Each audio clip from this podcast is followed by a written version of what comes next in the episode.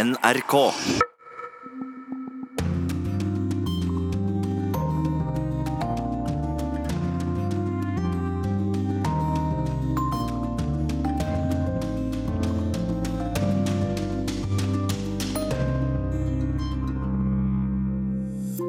Zuma er snart historie. Bak kulissene i Sør-Afrika pågår det en kamp om demokratiet. Generasjonsskifte også i Europa. Sinn Fein har valgt ny leder. I won't fill Jerry's shoes. But the news is that I brought my own. Russiske kommunister søker nye velgergrupper og stiller med en mangemillionær i presidentvalget. Det er nokså vanskelig å få et grep om hva han egentlig står for politisk. Urix på lørdag skal også til et annet hjørne av krigsherjede Afghanistan. Det finnes en gate i Kabul med lyder som gir trøst og glede. God formiddag. Jeg heter Anders Tvegård, og i denne dropsposen fra utenriksredaksjonen åpner vi også korrespondentbrevet fra Beijing, og avslutter med podkasten vår om OL i forsoningens tegn. Forsoning er et slags stikkord der vi starter også. I Sør-Afrika venter alle på nyheter om når den utskjelte presidenten Jakob Zuma skal gå av. Kristine Presttun, vår Afrikakorrespondent, hva er status? Her i Cape Town holder folk nærmest pusten mens de utålmodig venter på at eh, landets omstridte president skal gå av. I dag så skal partilederen Cyril Ramaphosa møte Zuma i hans eh, offisielle bolig i Pretoria for å fullføre avtalen om hans avgang. Eh, noe som kan bety at vi får et svar allerede i løpet av få timer. Det er SABC som melder dette. Men det er motstridende meldinger. Avisen Mail and Guardian siterer generalsekretæren i ANC på at det trolig ikke blir en løsning før neste helg etter landsstyremøtet. Og I mellomtiden så er jo da Sør-Afrika i et slags maktvakuum, selv om landets president formelt fortsatt heter Jacob Zuma. Men summa summarum er det slutt. Selv ønsker han å stige ned som en statsmann, men de fleste vil nok bare huske ham for korrupsjon. Tom Christiansen forteller historien om Zumas fall den siste uka. To menn i mørke dresser og ei stengt dør. Det var alt som til slutt trengtes. Inne i presidentens residens satt den 75 år gamle Jakob Zuma med visepresidenten Cyril Ramaphosa. Zuma hadde to dager i forveien sagt nei til å gå av, så hva har skjedd? Ramaphosa, ti år yngre og noen centimeter kortere, skal ha gjort det klart for den sta sjefen du har ikke noe valg, enten regisserer du din avgang, eller så blir du avsatt etter mistillitsforslag i parlamentet, for der vil dine egne stemme imot deg. Nesten sånn skal ordene ha falt. Møtet fant sted i presidentens residens i Cape Town, Genadendal. Det betyr nådens dal. Vi får se. Det begynte sist søndag, i Pretoria. Der er presidenten også en residens. De som kom utpå kvelden var De seks, en gruppe partitopper og tunge seniorer fra ANC. De ba ham gå av, og viste til misnøye med ham i partiet og i folket. Alle korrupsjonsanklagene. De viste til et mistillitsforslag i parlamentet som kommer opp 22. februar. Gå av, kamerat. Og Zuma svarte I go nowhere. Ikke hadde han gjort noe galt, og ikke var han upopulær. Tvert imot, han ble hyllet hvor enn han gikk. Dette skjedde bare fire dager før han skulle holde talen om rikets sikkerhet. De ba ham utsette talen. Det kom ikke på tale. Han skjønte såpass at en president som ikke kan holde en tale om rikets sikkerhet, har tapt, og det hadde han rett i. Onsdag denne uka fikk han besøk av parlamentets ordfører Baleka Mbete. Mr. President, du får ikke anledning til å holde talen i morgen, sa hun myndig. The State of the Nation Speech, årets høydepunkt i nasjonalforsamlingen. Hvordan reagerte presidenten, ble hun spurt. Han så ut som den vanlige Jacob Zuma, alltid klar til å le av livet. Så tetter det seg til. For det har inntrådt en forskjell. I desember gikk han av som leder for ANC, og han fikk ikke valgt sin ekskone til ny leder, Nkosasana Dlamini Zuma. Flertallet av de 5000 delegatene på landskonferansen valgte Cyril Ramaphosa i stedet, Zumas egen visepresident. Siden da har Zuma fryktet at historien gjentar seg, for i 2008 ble han selv valgt til partileder og benyttet anledning til å avsette den sittende presidenten Tabo Mbeki. Nå bruker ANC samme metode som den gang. Tirsdag denne uken, igjen utpå kvelden, satt Zuma og Ramaphosa ansikt til ansikt i Nådens dal. To menn i svarte dresser. Sør-Afrikas sterkeste politikere. Zuma, uten utdanning, men tidligere etterretningssjef i ANC. Ramaphosa, fagforeningsleder i apartheid-tida, forretningsmann siden.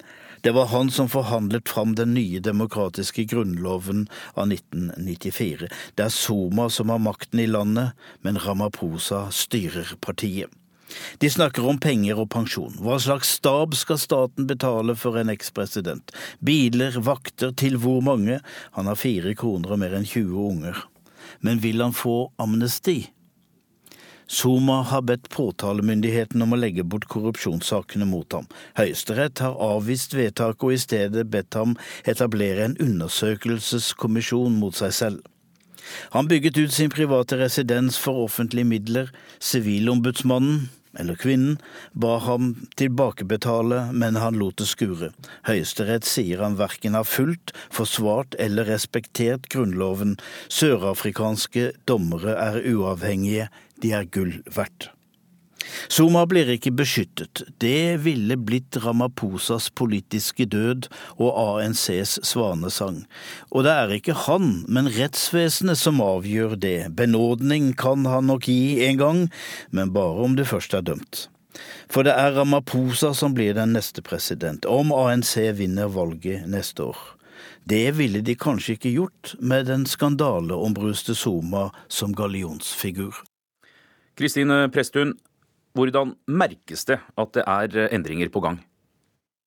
Det skulle egentlig vært en stor fest over hele landet denne helgen for å markere at i morgen er 28 år siden Mandela ble løslatt eh, fra fengsel.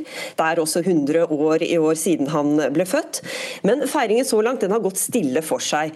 Partiledelsen har uteblitt fra arrangementene fordi de har vært opptatt med å løse denne krisen rundt eh, presidentens eh, avgang. Toppledelsen har rett og slett ryddet kalenderen for å finne en rask løsning. Og så merker man det jo på gateplan, der folk naturlig naturlig nok diskuterer dette på hvert eneste gatehjørne. Og ikke minst så koker det på sosiale medier med spekulasjoner og med krav til ANC om at dette må skje fort. Folk kan ikke bli kvitt han fort nok. Ja, og der, der har også Somas femte kone meldt seg på i debatten?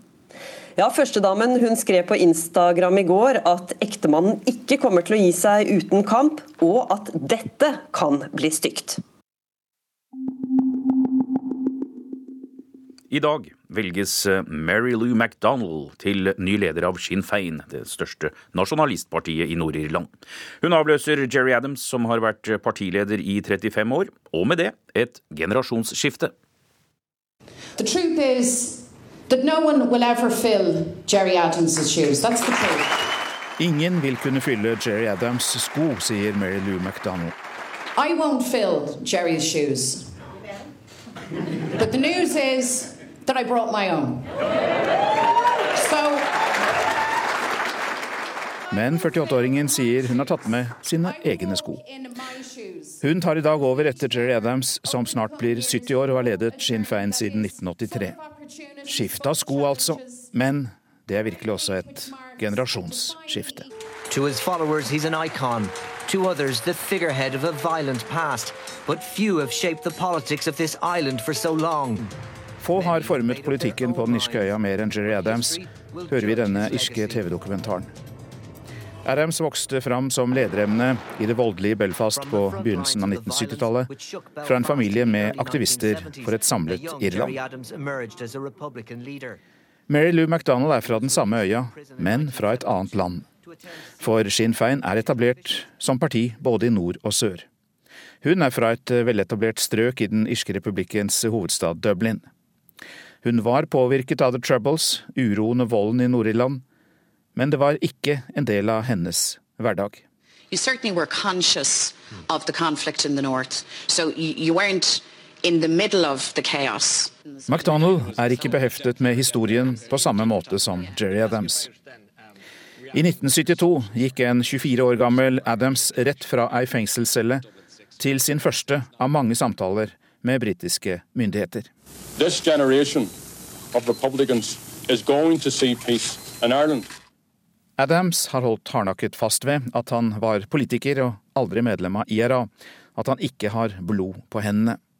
Anklager om dette har fulgt ham i alle år, herfra et intervju med irsk TV i 2010. Of course I'm troubled having come through a conflict. Of course I am. But people, some people are watching tonight say, that man has blood in his hands. Do you have blood in your hands? No, I don't. Jerry Adams brød seg ikke om ofrene for IRA-volden, hevder en av hans kritikere, Alex Kane, tidligere kommunikasjonsdirektør for Ulster-unionistene. They never sensed that Adams ever cared about them. And this is a man who was too, too sort of clinically clean to get his own hands dirty. And somehow trying Men de fleste kommentatorer er enige om at Jerry Adams bidro til å overbevise den republikanske bevegelsen om mindre vold og mer politikk. Det kulminerte med fredsavtalen som har sitt 20-årsjubileum i år. Avtalen mellom Irland og Storbritannia, og mellom nasjonalister og unionister i Nord-Irland. The chance of a new beginning.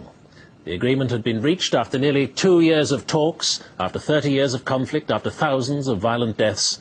I ettertid har Sinn Fein og unionistpartier styrt Nord-Irland sammen i samsvar med fredsavtalen, helt til januar i fjor.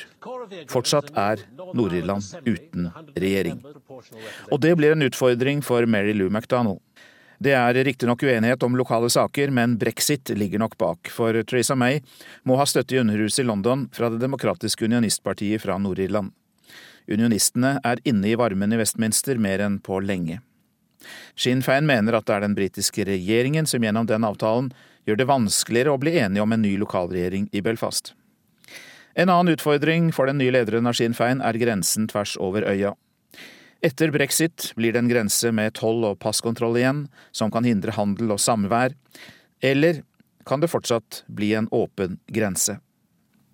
For Sinn Fein kan dette bli en mulighet til å kreve folkeavstemning om løsrivelse av Nord-Irland fra Storbritannia. Og i dag begynner Mary Lou MacDonald med å overbevise unionistene om at et samlet Irland også er det beste for dem. I believe that Irish unity is the best solution, the best collective arrangement for all of our people, including our unionist brothers and sisters. Og reporter her, det var Øystein Heggen. Og vi gir oss ikke med valg, for allerede neste måned kan russerne gå til urnene. Et eh, overraskende alternativ kanskje på stemmeseddelen er en mangemillionær.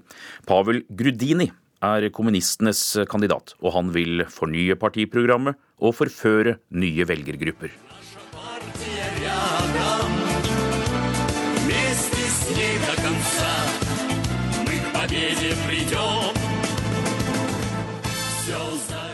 Sammen med partiet går vi mot seier, heter det i denne videoen som det russiske kommunistpartiet har laget. Ordene er gamle og kjente for kommunistene. Men det skjer noe i det gamle partiet som ble grunnlagt av Lenin, og som gjennomførte den russiske revolusjonen i 1917.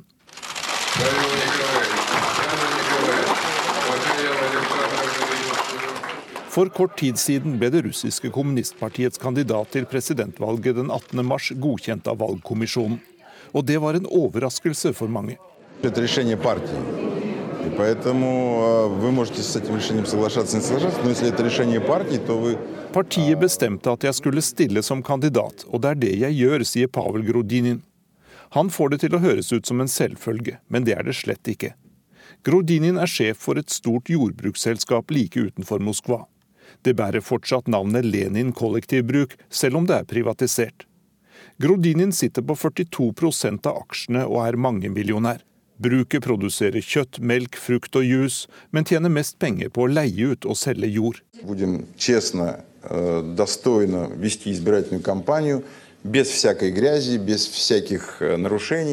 Vi skal gjennomføre en ærlig valgkamp, uten skittkasting og regelbrudd. Denne valgkampen bør bli den beste i Russlands historie, sier kommunistpartiets ferske presidentkandidat Men Grodinin er slett ingen vanlig kommunist. Han har f.eks. ingen planer om å kreve at staten skal eie jorda, noe som ble praktisert da kommunistene styrte i Sovjetunionen. Den 57 år gamle Grodinin har nok mye mer felles med en klassisk kapitalist enn med en kommunist. Og det er nokså vanskelig å få et grep om hva han egentlig står for politisk. Мы говорим о том, что засилие чиновников, олигархов, административное давление на бизнес. vi mener at makten som byråkratene og de superrike har, er et problem for hele samfunnet, og det må bekjempes sammen med korrupsjonen, påpeker Grodinin. Han er forsiktig med å kritisere president Vladimir Putin, som alle regner med vil få en ny periode som Russlands leder. På en pressekonferanse får Grodinin spørsmål om han er en slags skuespiller som stiller i et liksom-valg, der det skal se ut som om Putin har konkurranse.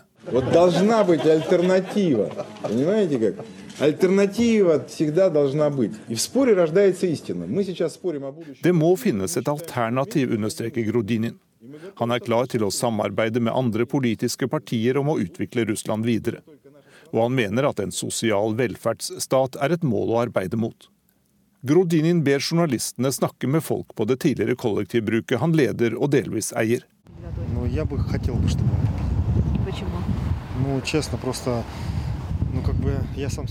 Jeg ønsker at Grodinin vinner valget, sier Pavel Samailov, som er mekaniker ved Lenin jordbruksselskap. Han mener at livet utenfor hovedstaden ikke er så bra som det framstår på fjernsyn.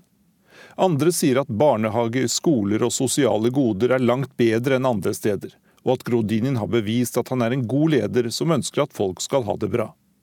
De russiske kommunistene har skiftet kappe, men det er neppe nok til å gjennomføre en ny revolusjon i landets politikk. Det sa Jan Espen Kruse. Det er ikke mange hjørner av Afghanistan som har unngått krig. Bare i hovedstaden Kabul er minst 160 eh, mennesker drept siden nyttår. Alle selvmordsangrepene og krigens gang gjør at innbyggerne i Kabul søker seg til en helt spesiell gate. Anja Strønen har laget dette innslaget.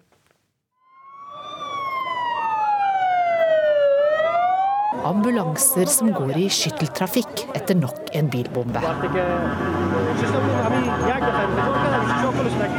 I panikk flykter folk over knuste bildeler og glass. Lyden av bomber, skrik og kaos, dette er hverdagen for mange i Kabul. Men det finnes en gate i Kabul med lyder som gir trøst og glede.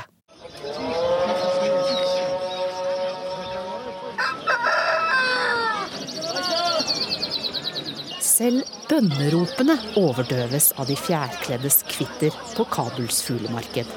Krigen virker langt unna den lille gata som går under kallenavnet Fuglebursmuget. Det sies at å gå inn her er som å gå 100 år tilbake i tid, til en flik av byen som er uberørt av krig eller modernisering. Små boder av leire står tett i tett, fylt opp med fuglebur i klokkeformede fasonger Og fugler i alle regnbuens farger synger av full hals. چون دیگه افغانستان کاری است که کار شوق است i Afghanistan er det en lidenskap å eie fugler, forteller fugleselger Raviullah Ahmadi til nyhetsbyrået Reuters.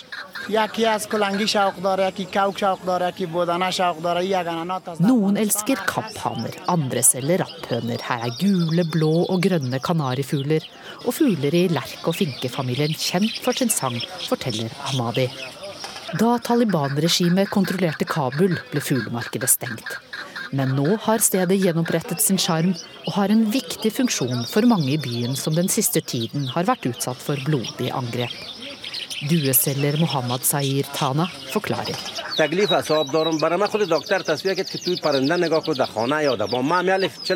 har problemer med nervene, og legen har anbefalt meg å holde på med fugler, sier Tana. Han har rundt 50 duer som holder han opptatt og tar tankene bort fra det som er vanskelig. De fleste kundene her er menn, men noen kvinner med blå burkaer presser seg også frem i den overfylte gaten.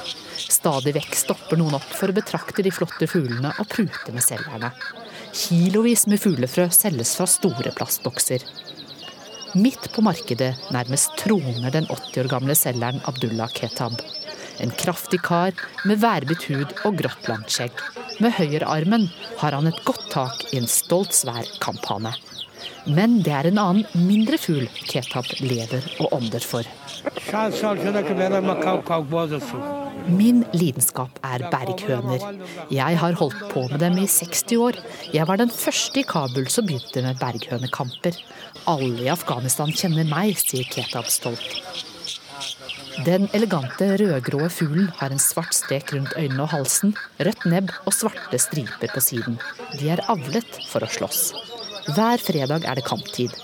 Men siden fuglene er så verdifulle for eierne, er kampene korte, så ikke fuglene skal bli alvorlig skadde.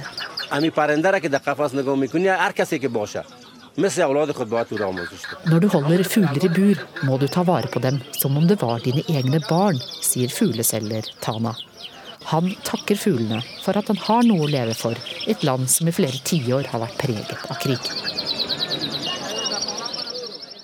Vi eh, flyr videre, men eh, forlater ikke krig. Det er 50 eh, år siden eh, USA ble klar over at de kunne komme til å tape krigen i Vietnam. Samtidig er det 50 år siden USA vurderte å bruke atomvåpen mot Nord-Korea fordi de hadde tatt beslag i et amerikansk marinefartøy, Pueblo. Mens Vietnamkrigen er historie, er konflikten med Nord-Korea fortsatt en nøtt. Urix på lørdag ser nærmere på de to asiatiske nasjonenes forhold til USA 50 år etter. To kriger i Asia dominerte den kalde krigen etter annen verdenskrig. Kommunistene hadde makten i Nord-Korea, mens amerikanerne hadde tusenvis av soldater stasjonert i Sør-Korea, og de spilte høyt. All the military options carry built-in perils, including the ultimate danger of World War III. Forskjellen var at mens det i 1968 hadde vært våpenhvile på den koreanske halvøya i 15 år, og det bare var kald krig der, så var krigen på sitt varmeste 20 breddegrader lenger sør, der USA hadde en halv million mann og noen kvinner under våpen i Vietnam. Den politiske begrunnelsen var oppsummert i dominoteorien. Dersom ett av disse landene falt og kommunistene rykket inn, økte sannsynligheten for at hele regionen, og deretter hele verden, ble overtatt av totalitære ideologier, noe Washington DC så det som sin oppgave å forhindre. Den amerikanske propagandaen virket. Folk i USA trodde på seier i Vietnam, helt til nyhetsankeret Walter Cronkite fortalte dem at denne krigen, den kunne ikke vinnes. But it is increasingly clear to this report that the only rational way out then will be to negotiate, not as victims, but as an honorable people. USA har, og hadde også den gang, en enorm militær kapasitet. Men Vietnam var ressurskrevende og kostet mye.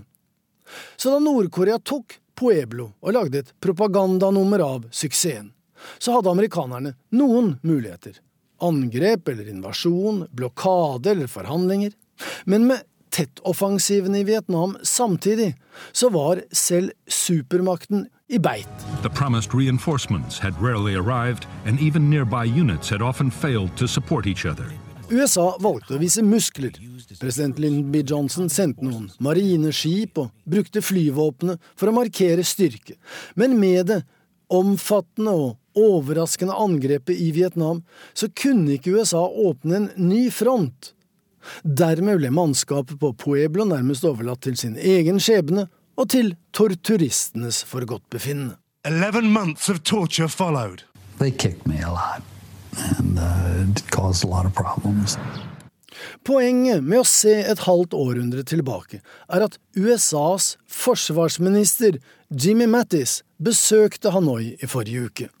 Mà còn đóng góp thiết thực, Bộ trưởng James Mattis nhấn mạnh quan điểm của Hoa Kỳ nå har de to tidligere fiendene inngått en slags praktisk fornuftsallianse mot kinesernes aggressive ekspansjonisme i Sør-Kina-havet.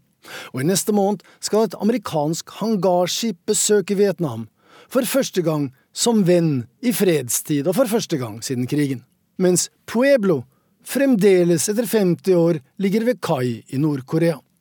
Den dag i dag bruker nordkoreanerne Pueblo som et symbol på kampen mot og den store seieren over USA-imperialismen.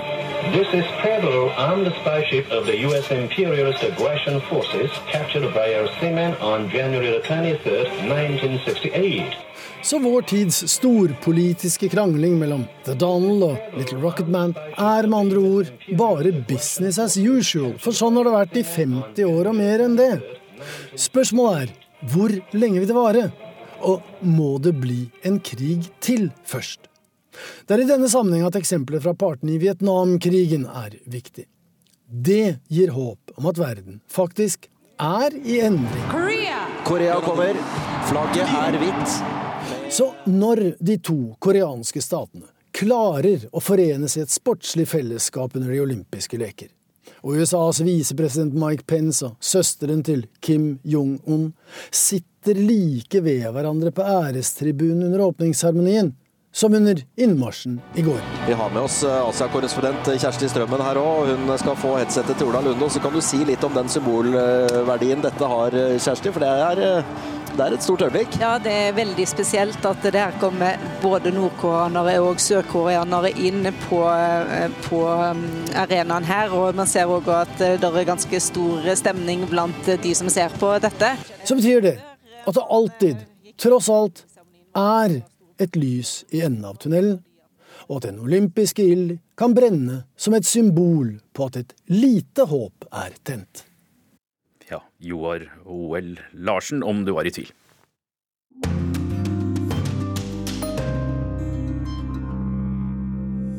Dette skjer i nyhetsbildet. Sør-Korea sier at de vil fortsette å bygge på forholdet til naboen i nord, slik at et toppmøte kan finne sted.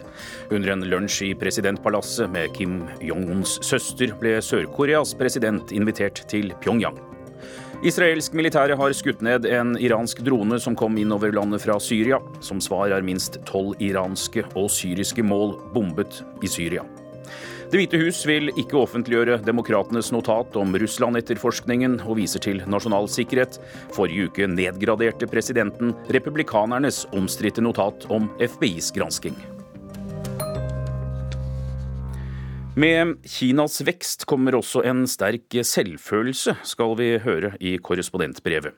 Storbyer som Beijing er så siviliserte at det rett og slett er noen ting man ikke kan vedkjenne seg, forteller Kjersti Strømmen. Kvinna over disken så på meg med ei blanding av vantru og avsky. Hadde hun hørt rett om hva jeg spurte om? Blikket hennes flakka medan hun skunda seg videre til neste kunde.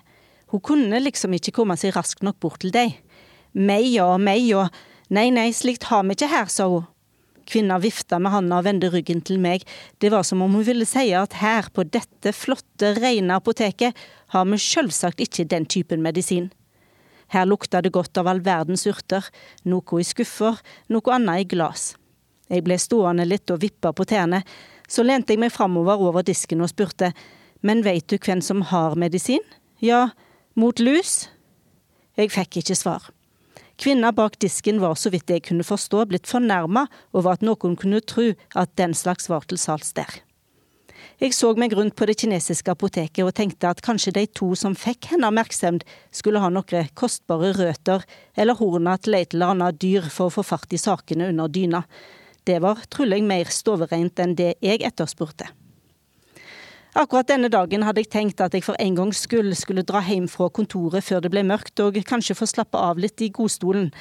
Men ikke før jeg hadde åpna døra, hadde dramaet kommet meg i møte. Vi har fått lus. Gleda over å komme hjem litt tidlig hadde forsvunnet ned i sokkene. I det lange, blonde håret til tiåringen var det funnet et par feitinger. Sukk. Ja vel, og hva gjør vi med det? Medisin mot lus var ikke blant de tinga jeg hadde tenkt på da jeg pakka flyttekoffertene. Men greit nok, det er jo slikt man får tak i overalt, ikke sant? Jeg hadde snudd i døra og sust av gårde på sparkesykkel mot første og beste apotek, der jeg fikk meg og meg og nei og nei. Frimodig leita jeg videre. Så vanskelig kunne det vel ikke være. Neste forsøk var av den litt vennligere sorten, i det minste fikk jeg ikke kjensla av at jeg ble piska ut av dette apoteket. Svaret var likevel det samme, meg og meg og det har vi ikke. Jeg sukka og sa at det var da merkelig at det skulle være så vanskelig å finne. Det er fordi vi ikke har lus i Beijing, så da har vi heller ikke medisin, var svaret. Jeg ble paff. Brått var det som om det gikk et ljos opp for apotekeren. Vent litt, det kan være vi har noe på bakrommet som du kan bruke. Vi solgte det samme til noen utlendinger for en stund tilbake, men jeg tror ikke de fikk med seg alt vi har. Jo visst hadde de noe på lur. Apotekeren bretta det ut for meg. Gylne inntørka røtter servert på grått papir. Det skulle kokes i vann i 20 minutter, og så skulle en skylle håret i suppa. Jeg husker hva de hadde sagt på apoteket da det var lus på skolen i Norge og de hadde dukka opp i lokkene våre. Lusesjampo og den slags virka ikke, fikk vi vite. Folk som kjøpte lettvinte løsninger kom tilbake igjen og igjen uten å ha blitt kvitt de små blodsugende krypa. Det var bare én ting som tok knekken på dem, og det var den hardeste luten de hadde. Nå sto jeg der, på et apotek på andre sida av verden, og så på noen gylne røtter og tenkte mitt. Du kan jo prøve litt eh, av det og se, sa apotekeren. Nei, gi meg alt, sa jeg, det var iallfall sikkert, jeg skulle ikke prøve meg fram.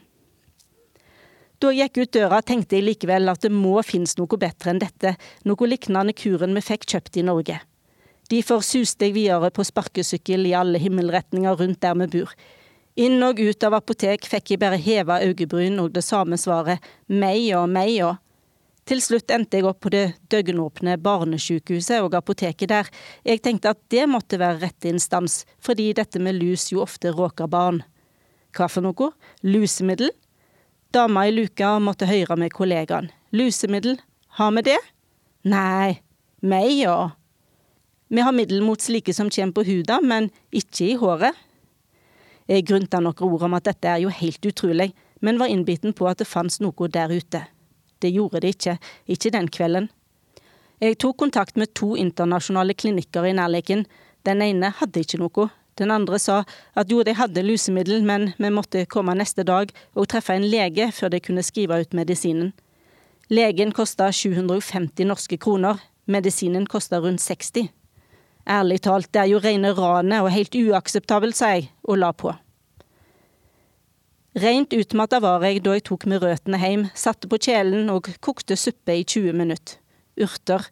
Vel, det kunne uansett ikke skade. Brygget ble satt til kjøling, og så var det å skylje håret til familien i det brune vannet og håpe den beiske smaken var nok til å knuse åtaket til det ekle krypa. Jeg har i grunnen ganske stor tro på kinesisk medisin, det er bare det at med lus vil en jo helst få det overstått raskt, og nå var jeg litt skeptisk. Likevel, nok er nok, og bare tanken på å fortsette letinga neste dag og betale blodpris for at en lege skulle skrive ut et papir, var nok til å overtyde meg sjøl om at de kinesiske røttene kom til å gjøre susen. Punktum finale. Da var det ei anna stemme som blanda seg inn. Det der kommer jo ikke til å virke. Det var min mor, som for tida fungerer som au pair i heimen. Hun er sykepleier, og som mange blant vestlig helsepersonell har hun absolutt ingen tro på kinesisk medisin. Hun minte meg på hva de hadde sagt på det norske apoteket, og om det var slik at vi skulle leve med lus i uviss framtid, så kom ikke hun til å bo i Beijing. Jeg ringte ei venninne som har bodd i den kinesiske hovedstaden lenge, og som arbeider på en internasjonal klinikk. Hun kunne fortelle at det ikke er lov å importere de sterke sakene til bruk på mennesker, fordi Kina har stempla slikt som insektmiddel. Kanskje kunne vi få komme til hos den europeiske legen. Jeg sendte min mor av gårde til denne legen, men på veien fikk vi vite at dette legekontoret var stengt til neste veke. Det var i denne sammenhengen altfor lenge å vente. Siste valg var da å dra til de som ville ha blodpris for å levere resept, og på dette tidspunktet var det kanskje verdt pengene.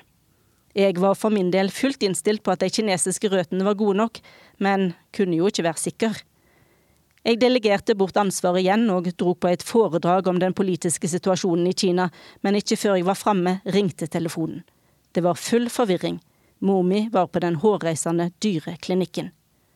Hun skjønte ikke et eneste ord på kinesisk, men det var også andre grunner til at budskapen var vanskelig å fatte. Sykepleieren som var på vakt denne dagen, mente nemlig, i motsetning til kollegaen kvelden før, at det var helt unødvendig å møte legen.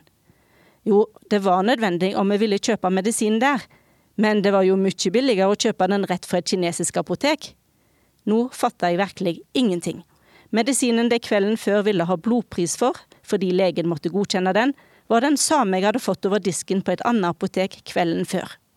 Jeg nekta å tro at det var så vanskelig, og stakk innom et nytt kinesisk apotek. Lusemiddel? Nei, jeg har ikke hørt om lus i Beijing siden jeg var liten, jeg, sa apotekeren. Da ringte jeg skolen og sa de måtte fortelle oss hvor vi kunne få tak i medisin. Jeg hadde informert dem om at vi hadde fått lus i hus, og hadde fått til svar at eh, da måtte jentungen holde seg hjemme fra skolen i flere dager. Og hun måtte få legeattest på at hun var lusefri før hun fikk komme tilbake. De saumfarte ungene og fant selvsagt ut at hun ikke var den eneste i klassen. På min oppfordring sendte skolen oss til et nytt apotek med navn på en medisin. Sjåføren drog dit, men medisinen var gått ut på dato. På spørsmål om den likevel virka, ble de usikre, ringte til fabrikken og endte opp med å gi oss ei anna medisin, som etter alt å døme ikke var noe annet enn sjampoen de i Norge hevda ikke var god nok. Sjåføren hjelpte oss å ringe litt rundt. Til alle han snakka med, sa han du veit, lus, det vi hadde i Beijing i gamle dager, slik de har på landet. Innbyggerne i Beijing mener tydeligvis at de har blitt så siviliserte at de ikke har den slags her i byen. Dette var akkurat som den gangen for 13 år siden da jeg også bodde her, og jeg ba eieren av blokken om å få ut kakerlakkene. Svaret var at det finnes ikke kakerlakker i Kina. Derfor kunne de jo heller ikke gjøre noe med den saken, selv om de kravla altså rundt i alle leilighetene i disse blokkene og nå altså lus som vi hadde fått i Kina, men som kineserne mente ikke eksisterte. Sjåføren måtte også gi opp å finne noe bedre, men var sikker på at han visste råd. Det må vaske håret grundig, så blir de borte. Ja vel, så han mente at vi hadde lus fordi vi ikke vaska håret godt nok. Jeg blei streng. Men han visste annet råd, det er jo bare til å legge håret ned i kokende vann, så tar det nok knekken på det, skal du sjå. Og da jeg fortalte at lus liker seg helt nærmest hodebunnen, så måtte han innrømme at koking kanskje var litt drøyt. Da var det neste å klippe av alt håret. Vakkert. Vi tok det vi hadde, sjampo og røter. Lusene forsvant. Jeg nekta å betale en formue for å få legeattest, og sykepleieren gikk med på at hun kunne sjekke tiåringen på skolen. Iført munnbind og hvit frakk brukte hun ett minutt på å kamme gjennom håret og konkludere med at lusa var borte. Det var ikke akkurat en grundig jobb, men på dette tidspunktet visste jeg at de var borte. Fremdeles vet jeg ikke hva som virka, men jeg heller en knapp på at det var de kinesiske røttene. Og så OL med utenriksavdelingens øyne. Her er podkasten Krig og fred. 29.11.1987 styrtet et fly fra Korean Air i havet. Alle de 115 om bord omkom. En bombe var plassert i bagasjehylla. At Seoul's Kimpo International Airport, officials of South Korea's KAL Airlines said they were mystified by the disappearance of Flight 858 from Baghdad to Seoul. It vanished after making routine contact with Rangoon Air Control prior to entering Burmese airspace on schedule. Dette er noe av bakgrunnen for at Sør-Korea har vært så ivrige på å nærme seg Nord-Korea foran OL i Pyeongchang. Og forholdet har blitt merkbart bedre. Kim Jong-un og Nord-Korea er på sjarmoffensiv og sender et jenteband i front for en stor delegasjon sørover. Krig og fred. En podkast fra NRK Urix. Korean Airflight 858 hadde gjort en mellomlanding. Eh, og mens det sto på bakken, så var det to nordkoreanske agenter som gikk om bord og la eksplosiver i bagasjehyllen. Og da flyet tok av igjen og var over Andamanhavet, så gikk de i lufta. Det eksploderte. Det eksploderte. Og alle de 104 passasjerene og besetningen på 11 omkom naturligvis. Det var en enormt eh, dramatisk eh, situasjon. Disse to nordkoreanske agentene ble sporet til Bahrain. De hadde kommet seg dit. Og idet de skjønte at de var i ferd med å bli tatt, så tok de cyanid, eh, som var gjemt i sigaretter. Den ene av den overlevde, den kvinnelige gjerningspersonen overlevde, og det er sånn vi har fått vite mer om, om bakgrunnen for dette angrepet. Jeg heter Sunn Heidi Sæbø. Jeg jobber til daglig i Dagbladet som utenriksjournalist. Eh, jeg har tidligere utgitt en bok som heter Kims lek, og kommer snart med en ny bok om Kim Jong-un.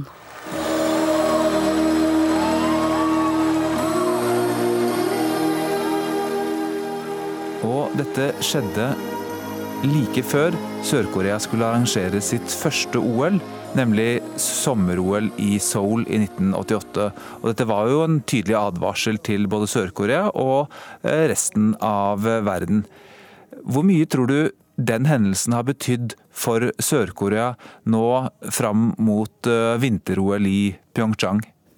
Jeg tror absolutt den historien har ligget i bakhodet, eh, og ganske høyt i bevisstheten. Eh, og i hvert fall hvis vi ser på hvordan eh, Sør-Korea president Moon Jae-in responderte umiddelbart etter at Kim Jong-un holdt nyttårstalen. For det var jo hva skal jeg si, Man hadde ventet på et sånt type signal, og derfor så var det så kjærkomment da det kom. Da Kim Jong-un under talen var litt altså Han ønsket Sør-Korea lykke til med lekene og åpnet for at de selv skulle delta. Og da gikk det jo bare timer eh, fra det til at Sør-Korea responderte, og så fikk man i stand samtaler inne i den demilitariserte sonen. Og det er jo det første positive signalet vi så siden 2015, faktisk. Mm, fordi Opp til det så var det ganske spent, og mange var urolige på, for hvordan dette, dette kom til å gå under, under, selve OL. Ja, det er jo forståelig, for det er jo ikke langt fra Pyeongchang, hvor lekene holdes, til Nord-Korea. Um, og senest i 2010 så angrep jo Nord-Korea Sør-Korea med artillerigranater. Uh, sånn at vi må ikke langt tilbake i historien for å vise, eller finne eksempler på at Nord-Korea gjennomfører uh, militære handlinger. da. Og Så kom jo også dette OL på bakgrunn av en veldig spent eh, høst med atomprøvesprengninger, raketter, eh, eller ballistiske missiler, eh, og da denne voldsomme ordkrigen med, med Trump og Nord-Koreas leder Kim Jong-un. Sånn at det, det, er jo også en, si, en global spenning knyttet til, til dette OL. Nord-Korea er kanskje blitt det store sikkerhetspolitiske spørsmålet etter at Trump kom til makten. Eh, det skyldes både Donald Trumps bidrag til den ordkrigen, og så er det klart at eh, Nord-Korea har kommet veldig langt. Både atomvåpen har de utviklet øh, allerede, og så har de kommet langt i testingen av langtrekkende missiler. Og det har vi sett særlig de siste årene.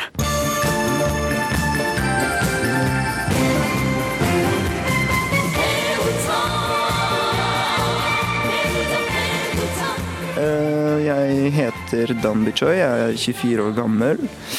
Eh, nylig utdannet fra Journalisthøgskolen, Kremte Oslo OsloMet. Eh, og er redaktør for kulturmagasinet Subjekt. Du har også en personlig forbindelse til, til Korea? Jeg er norskfødt av sørkoreanske foreldre. Et sjeldent fenomen, egentlig. Moran Bong Band er et uh, kvinnelig poporkester. Uh, etter sigende er utøverne håndplukket av uh, Nord-Koreas leder Kim Jong-un, og bandet brukes aktivt i den tilnærmingen som nå foregår mellom nord og sør. Altså, Låttitlene heter jo alt fra liksom, 'Let's Praise Kim Jong-un' til Frank Sinatra-låter, som de gjør remakes av. Så eh, låtspillene er eh, kjempestort. Det viktigste er egentlig at det skal underholde. Men jeg har også sett at de faktisk spiller sine egne instrumenter. Ja, nettopp. Det er det, er det som fascinerer meg egentlig veldig. Også, uh, man kan jo si det er dårlig musikk. Jeg har lest uh, an, mange anmeldelser av Moran Bong Band, og jeg syns de tar helt feil utgangspunkt uh, for musikken.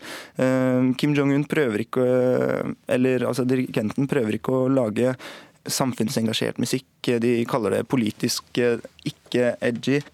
Men at disse uh, kvinnene i Moran Bong Band behersker instrumentene, er det ikke noe tvil om. Og det, det er jo et, eh, en kjempekvalitet som musikere. Da. Men Hvordan tror du de blir mottatt i Sør-Korea? Man ser nok på dem som latterlige, liksom dårlige kopier av sørkoreansk popmusikk. Jeg tror de ser på det som skikkelig dårlig og teit Eh, smakløs eh, propaganda fra Kim Jong-un, som har kopiert eh, sørkoreansk musikk. Hey, yo, Gigi!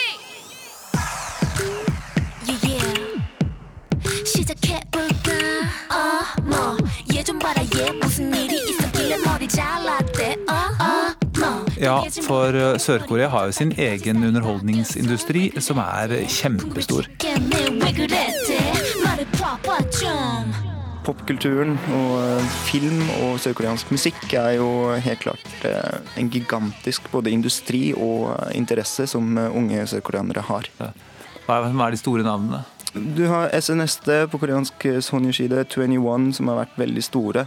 Um, og alle disse boy, uh, Brown Eyed Girls, uh, Girls Generation og Super Junior og liksom veldig mange sørkoreanske band da, som har um, ekstremt mange views. Den koreanske bølgen, som det kalles, Hallyu, er jo slags Asias Hollywood og har distribuert musikk til hele Asia. Og frem til nylig, egentlig, så var jo Psy sin Gangnam Style altså historiens mest sette film, musikkvideoen.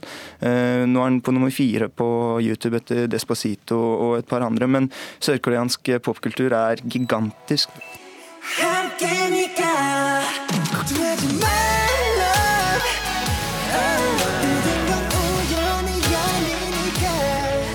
Unge i uh, sør, uh, hvordan ser de på Nord-Korea som sådan? Har de noe aktivt uh, forhold til det? Ja, de blir nok eksponert for både trusler og farer hver eneste dag. og så tenker jeg at jo lenger tid som går, jo mer fjernt blir det, denne tanken om en samling av de to nasjonene. Eh, de unge kan ikke huske at eh, Nord-Korea var en del av Sør-Korea. Eh, nå kan ikke foreldrene deres det heller, nesten. Og besteforeldrene som faktisk løp fra krig og faktisk ble splittet fra nordkoreanere, de forsvinner. Blant unge i 20-årene så er det 71,2% som er imot eh, en samling. Og det er ganske en sterk majoritet. da. Ikke sant? Det, det, det, er, det, er, en, undersøkelse, men samsvarer det med de sørkoreanerne du møter når du reiser dit? For du reiser dit ganske ofte, ofte i Sør-Korea? Ja, jeg har vært der nesten årlig, i hvert fall eh, i min voksne alder. Og eh, blant de sørkoreanerne jeg møter, så er det, virker det sånn. For meg så har det vært sånn at hver eneste person har vært imot en uh, samling av forening av de to uh, koreaene. Men uh, statistikken viser jo at tre av fire, nesten. Forventningene til, til OL er nå én ting, men hvor preget er de av disse For det skaper jo kjempestore overskrifter verden over hver gang Trump sier noe, eller Kim Jong-un sier noe, eller det er en rakettoppskyting. Men hvordan, hvordan påvirker det samfunnet i Sør-Korea, alle disse spenningene? Ja, du sier at uh, det blir svære nyheter over hele verden hver gang eh, Kim Jong-un og Trump snakker, men uh, det gjør jo det en gang i uka her, men der er det jo hver eneste dag mm. og hver eneste time man får kommentarer fra Altså det er innenriks for dem, da. Mm. Til slutt så blir man jo vant til det, og min forståelse av hvordan sørkoreanerne Eh, forholder seg til Nord-Korea, er at eh, de tror på sitt eh, eget lands propaganda. De er mye sterkere, som for så vidt er sant. Og de pulserende nyhetene om rakettoppskytinger og sånn, det, det, treffer ikke frykten så veldig lenger, da. Man blir litt nummen? Man blir litt nummen, rett og slett. Kommer du til å følge med på OL? Ja, det skal jeg på noe, men. Ikke, ikke, jeg har ikke så mye peiling på OL. det er lov. Men er det noen, noen, sporter du er mer interessert i enn andre? Ja, min far var jo uh, olympisk uh, altså Han deltok i OL i Innsbruck i 1964, en veldig gammel mann. Så uh, han er i Sør-Korea nå for å han, følge med. Han var uh, lengdeløps-sprintløper på skøyter.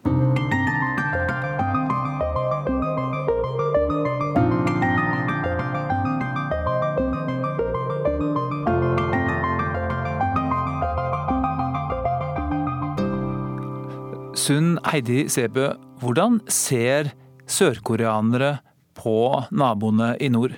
De har ikke Jeg vil si at de ser veldig ned på nordkoreanerne. Eh, og, og ser ned på landet. Og dette er noe grunn til at eh, nordkoreanere som kommer til Sør-Korea, får det veldig vanskelig. Eh, de blir sett på som annenrangs. Og Sør-Korea er blitt et veldig Altså, vi snakker jo ofte om det landet som miraklet ved Handelva. Det er et land som løftet seg opp fra en fattigdom til å bli en av verdens ledende økonomier.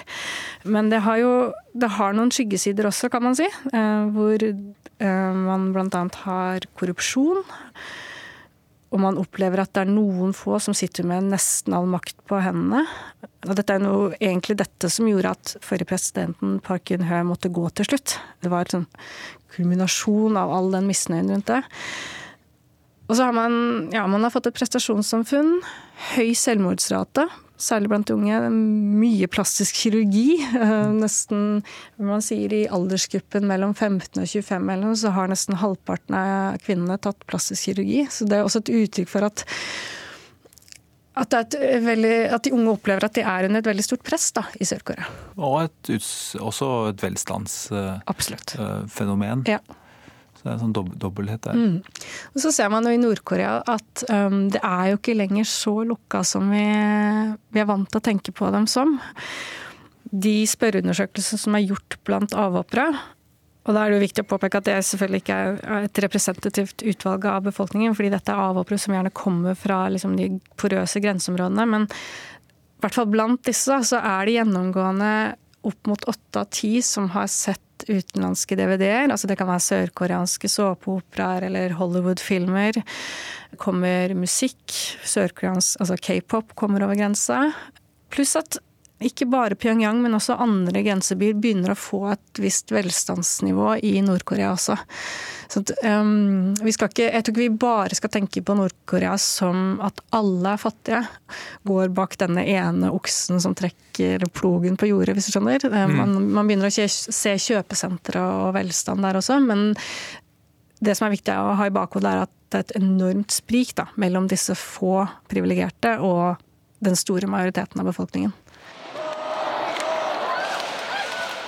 Et av de store prosjektene for forsoning er et felles eh, ishockeylag for kvinner.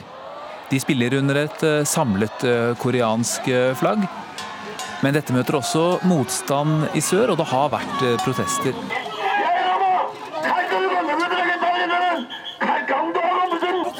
Hva er den jevne koreaners oppfatning av denne forsoningspolitikken eh, i sør, som ledes av president eh, Moon Jae-in?